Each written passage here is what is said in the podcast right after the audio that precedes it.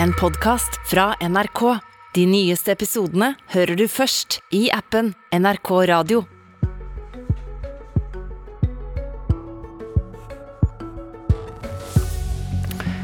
Vi skulle verne barn og unge og sørge for at de fikk skolegang. Men skole etter skole går over til digital heimeundervisning. Og lærere ryker i karantene. Har regjeringa gjort de rette grepa, spør vi i Politisk kvarter, der SV også skal be kunnskapsministeren komme med krisepakke til skolen. God morgen, kunnskapsminister Tonje Brenna. God morgen. Du og regjeringa vil skjerme barn og unge, og derfor holde skolene åpne. Eh, dette er også basert på et helseråd som sier at en tror viruset kan spreie seg mer om skolene er stengt, fordi smitte skjer på andre arenaer. Men nå innfører de heimeskole i Bergen, Oslo, Stavanger, Lillestrøm. Jeg kunne fortsatt. Hva syns du om de skolene og kommunene som stenger, da? Det viser jo at systemet vårt fungerer, fordi det er kommunene som er eh, smittevernmyndighet. Det er de som vurderer situasjonen lokalt. Og så er det jo ikke like mye smitte over hele landet. Det som ville vært uforholdsmessig, var jo hvis regjeringa beslutta å stenge alle skoler og barnehager Eh, fordi det eh, var noe vi mente var riktig inn mot jul, når det ikke var helsefaglig anbefalt. Det ville vært veldig urimelig overfor de barna som bor der hvor det ikke er smitte. Og da er det helt riktig sånn som skjer nå, at i utgangspunktet er det åpent, men hvis situasjonen lokalt tilsier å gå over til mer digital undervisning f.eks., så gjør man det. Men de lokale vedtakene ødelegger vel de hovedlinjer? Nei, Hovedlinjen er jo at det er kommunene som er smittevernansvarlig, det er de som gjør vurderingen lokalt. Så tror jeg jo alle kommuner deler regjeringas ambisjon om å skåne barn og unge så langt det lar seg gjøre, at de skal ha en mest mulig normal hverdag. Jeg tror ikke det er med lett hjerte man eh, går over til hjemmeundervisning eller digital undervisning i kommunene heller, men eh, målet er jo at flest mulig skal ha en så normal hverdag som mulig, og så må man hele tiden veie det opp mot behovet for at eh, færre mennesker møtes, f.eks. i skole og barnehage, og da er det riktig at de avgjørelsene tas i kommunene. Men nå har hundrevis av norske kommuner sittet og laga sine egne tilpassa hastevarianter av reglene for de siste få skoledagene før jul. Er det rasjonell bruk av samfunnsressurser? Trafikklysmodellen, som vi kaller den, den er jo godt kjent i norske skoler og norske kommuner. Den har vært tatt i bruk før. Den har vært forbedra og endra gjennom pandemien. Eh, og de har vært forberedt på at den kunne måtte tas i bruk igjen. Så tror jeg jo at eh, alle kommuner er enige om at målet er å ha minst mulig inngripende tiltak mot barn og unge, og derfor så har man noen lokale varianter av hvordan man løser dette.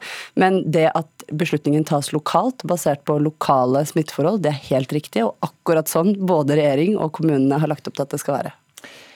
Hva tenker du er barns beste, som er målet, i den situasjonen vi står i nå? Det vi vet fra forrige nedstengning, var at det var eh, ganske store konsekvenser for en del barn. NKVTS satt jo i dette studiet i går og sa at én av fire barn hadde opplevd vold og overgrep. Eh, skal vi se, NKVTS Ja, unnskyld. Norsk kunnskapssenter for vold, vold og, og, traumatisk stress. stress ja. ja. riktig. Satt jo her i går og sa at erfaringer erfaringen fra forrige nedstengning viste at én av fire barn var utsatt for vold og overgrep i den perioden.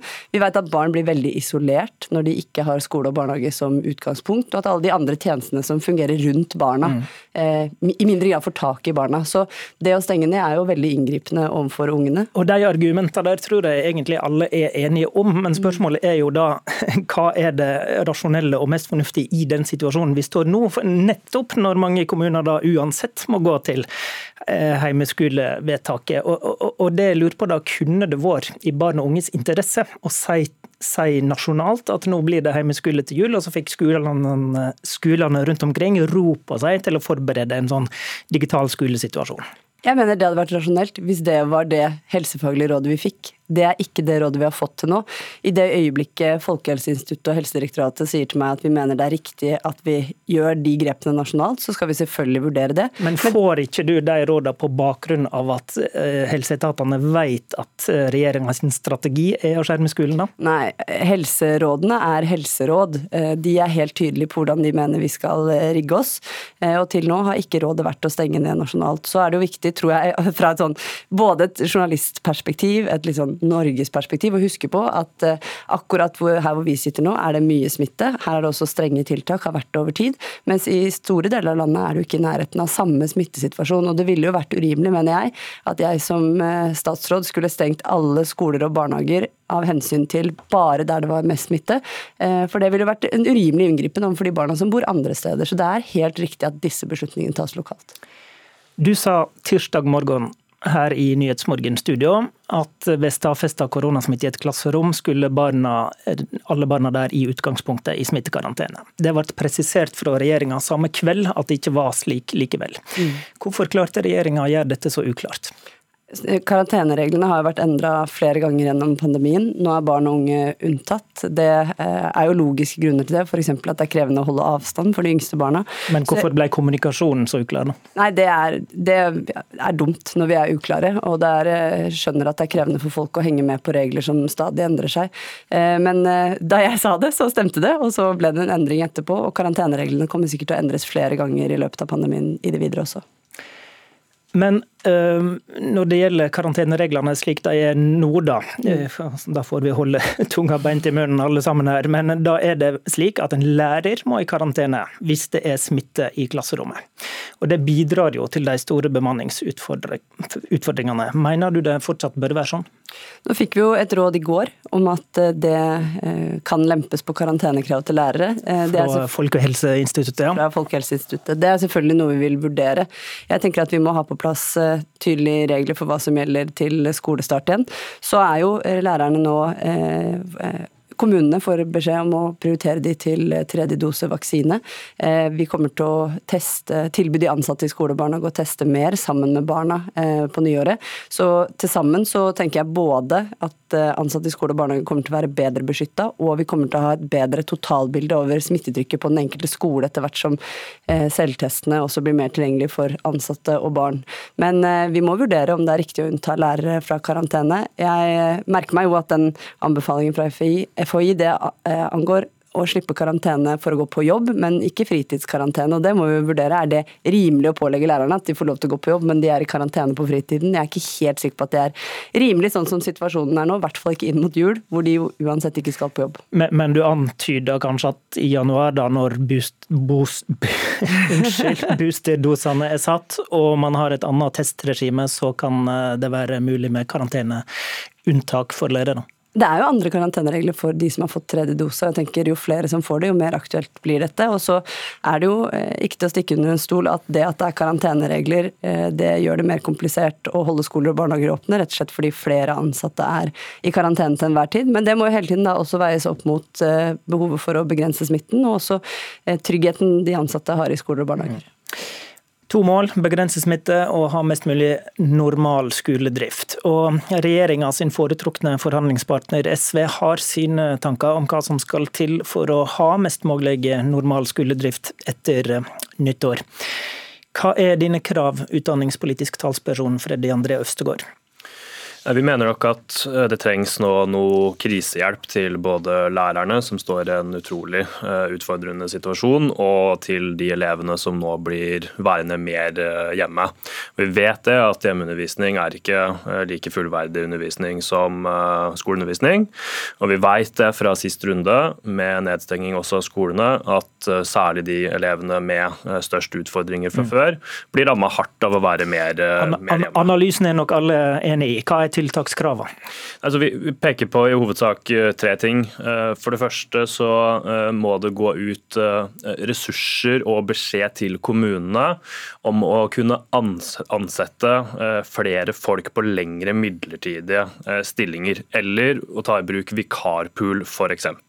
Det handler jo om at man sliter veldig nå med å få bemanninga til å gå opp, få folk til å ta de her korte vikaroppdragene som trengs, men med litt lengre vikariater så mener i hvert fall eh, partene i arbeidslivet at det kan, kan bidra. Eh, det andre det er da ressurser inn til oppfølgingstjenestene. De tjenestene som stiller opp og hjelper hjelper de elevene som nå sliter. Jeg mener at strengt talt så bør de drive med oppsøkende arbeid nå, for vi vet hvor alvorlig det her treffer. Og det tredje det er det å gjøre de kompensasjonskronene som uansett også statsråden lover da, til, og regjeringa lover til skolene, at det blir øremerka. For når du spør rektorer og lærere rundt omkring i skolen i dag om de har sett noe til de her kompensasjonskronene som har blitt lova for overtid bl.a., ja, så sier de at det tvert imot ikke har kommet. Det varierer vel kanskje litt, men eh, til det første, da. Hva stopper egentlig en kommune fra å inngå lange vikaravtaler i dag? Altså for det første så handler det om ressurser, eh, så klart. Eh, derfor mener jeg at det, det aller viktigste regjeringa kan gjøre, er å komme med denne krisepakka og gi ressursene til kommunen for å gjøre det. Det er trange budsjetter rundt omkring. Hvis vi skal gjøre noe med bemanninga, så mhm. trenger vi det. Og Hvis man da samtidig også åpner opp for f.eks. bruk av vikarpool eller lengre midlertidige stillinger, så vil det også være flere folk som er interessert okay. i å søke. Tonje Brenna, når smitten stiger og nye tiltak blir innført, så kommer det jo krisepakke til næringslivet, men noen lignende pressekonferanse med krisetiltak for utdanningssektoren har ikke vi sett. Har SV et poeng her? Ja, Det er mulig jeg burde hatt en egen pressekonferanse om det, men det er jo gode forslag, så gode at vi gjør det jo allerede. Kommunene har jo for det første fått 4,5 milliard i økte inntekter. I tillegg blir de krone for krone kompensert for eh, utgifter til korona. Eh, og det å ta i bruk vikarer og overtid er jo en del av det. sånn at alt dette gjør vi jo allerede. Så tror jeg det som eh, Freddy og jeg skal være enige om og hele tiden ha et årvåkent blikk på, det er hva skjer etter akkurat denne fasen vi er i. Vi vet at det er eh, krevende for sårbare barn som blir mer hjemme og mindre på skolen og i barnehagen nå. Men hvor er de om ett år, to år, ti år? Det må vi hele tiden holde blikket på. Men akkurat de akutte tingene her, det er vi jo allerede i gang med. Jo, men en pakke ber han jo om som gjør at man kan egentlig i praksis øke grunnbemanninga eh, for neste halvår, er det vel å be om? Ja, altså for å øke grunnbemanninga i barnehage og skole, så må vi jo styrke kommuneøkonomien. Det er vi i gang med sammen med SV. Eh, og så når man får økte utgifter til korona, så skal det også kompenseres. Så tror jeg noe av det som er hovedutfordringa nå, det er rett og slett å få tak i folk. Folk som ikke er forkjøla eller i smittekarantene eller syke på andre måter. Og det å ha en eh, backup med vikarer, det jo, har jo alle kommuner, det har alle skoler. Det er noe man driver med hver eneste dag. Sånn at, eh, så, så, så, du ser ikke noe ekstra behov, egentlig? da? Behovet er veldig stort. Åpenbart. Men akkurat de tingene som Freddy etterlyser, det gjør vi allerede. Og så er utfordringa å få tak i nok folk i en situasjon med høyt sykefravær, mange i karantene og mye forkjølelse ute og går. Jeg tror nok ikke at lærerne og elevene for den saks skyld i nå stengte skoler føler at dette her gjøres allerede. Eh, så Det er bra at kommuneøkonomien blir eh, bedre til neste år, men det er akkurat nå et akutt krisebehov eh, for å gjøre noe med bemanninga på kort sikt, men også på mellomlang sikt. Fordi vi nå går inn i januar etter hvert med uvisshet om hvor mye hjemmeskole det kommer til å være, hvor stort, sky, hvor stort sykefraværet kommer til å være om den bemannings- og kapasitetskrisa vi har sett i skolen egentlig over flere uker nå kommer til å eh, fortsette. Eh, og Da holder det ikke med eh, den generelle økningen i, i kommuneøkonomien. I hvert fall ikke så lenge vi har rektorer som sier at de ikke ser de pengene. Så Derfor trenger vi en egen pakke for det her. Og ikke minst gjøre de grepene som skal til for å gjøre det mer attraktivt å, å søke seg inn i skolen på disse vikariatene. For i dag er jo problemet Er du sikker på Brenna, at de økte kommunekronene faktisk kommer ut i skolene? Det er alltid en utfordring å få kommuner til å føle seg helt trygge på at de får kompensert merutgifter. Derfor gjentar vi det jo overalt hvor vi kan, og beskjeden er helt klart kommunene. Ikke, ikke spar på pengene når det kommer til å sette inn vikarer og kompensere for overtid. Så tror jeg jo det som, det som er eh, som vi må erkjenne, det er at uh, uansett hvor mye penger vi overfører til kommunene akkurat nå, så er det mye sykdom, rett og slett, fordi det er mye forkjølelse og korona blant oss.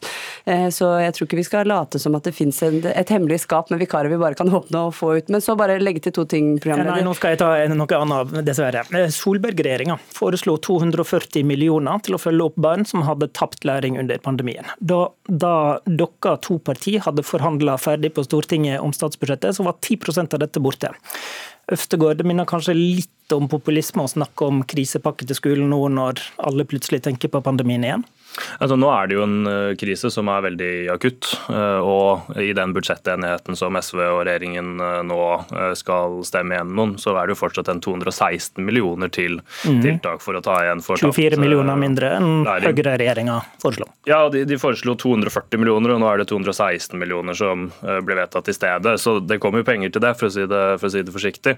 Men en av de tingene som mangler, da, hvis man bl.a. skal få til å ta igjen for tapt læring, det er jo at man får inn flere yrkesgrupper i, i skolen. altså Flere folk enn lærere som miljøarbeidere, skolehelsetjeneste. Det er også noe av det man burde sette inn ressurser for ja. å ansette nå. Og så vil jo ditt parti egentlig generelt det skal være vanskeligere å tilsette midlertidig. men her vil du egentlig gjøre det lettere, da? Ja, fordi det er det som er vakkert med arbeidsmiljøloven. Eh, når det er midlertidige behov, så da kan du ansette midlertidig. Pandemien er heldigvis et midlertidig behov. Vi får håpe det. Kort til slutt på det, da. Ja, vi også la jo fram for Stortinget 240 millioner til eh, tapt læring, og så ble det et runde med SV til 216, så vi er enige om tror jeg, at det er et viktig tiltak. Så er det igjen utfordringa med å få tak i folk. Pengene er der, men at folk er friske og kan gå på jobb, det er det vi håper slår til på andre sida. Det løser vi ikke denne neste halvtimen, men takk for denne runden. Det var Politisk kvarter ved Håvard Grønli. Du har hørt en podkast fra NRK. De nyeste episodene hører du først i appen NRK Radio.